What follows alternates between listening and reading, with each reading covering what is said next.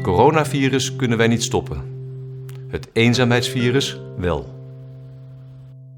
Eenzaamheid. Zelfs de koning heeft het erover. Maar is het wel te stoppen?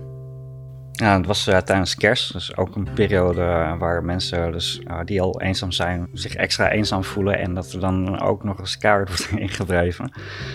Nou, ik, ik, kan me nog heel erg levendig herinneren dat ik toen met mijn uh, hond over straat liep.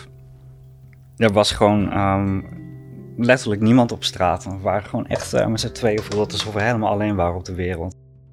Hoe is het om eenzaam te zijn? Ik verlangde zo uh, naar gezelschap uh, van familie of vrienden, maar dat had ik totaal niet.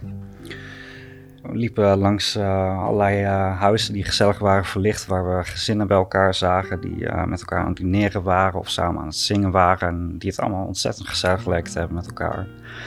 En um, nou, ik weet nog dat ik toen midden op straat brak en gewoon in tranen was uitgebarsten, omdat ik me gewoon zo ongelooflijk eenzaam voelde.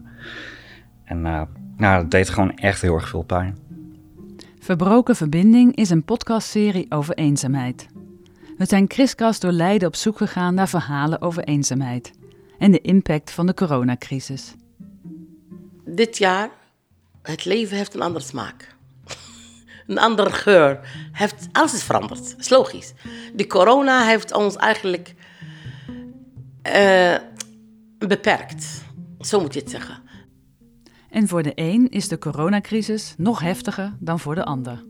Sorry voor taalgebruik, maar we stellen vast dat het gewoon kut is. dat is, ja, dat is echt. Uh, we, we, kunnen daar niet zo. We voelen ons ontzettend machteloos. Liefst zou ik social media zou ik het allemaal van me afschreeuwen. Maar dat doen een heleboel. Verbroken Verbinding is een nieuwe podcastserie over eenzaamheid in tijden van corona en daarbuiten.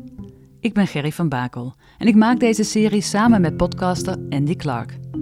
Je vindt Verbroken Verbinding in je favoriete podcast-app of luister via de website van Omroep Sleutelstad.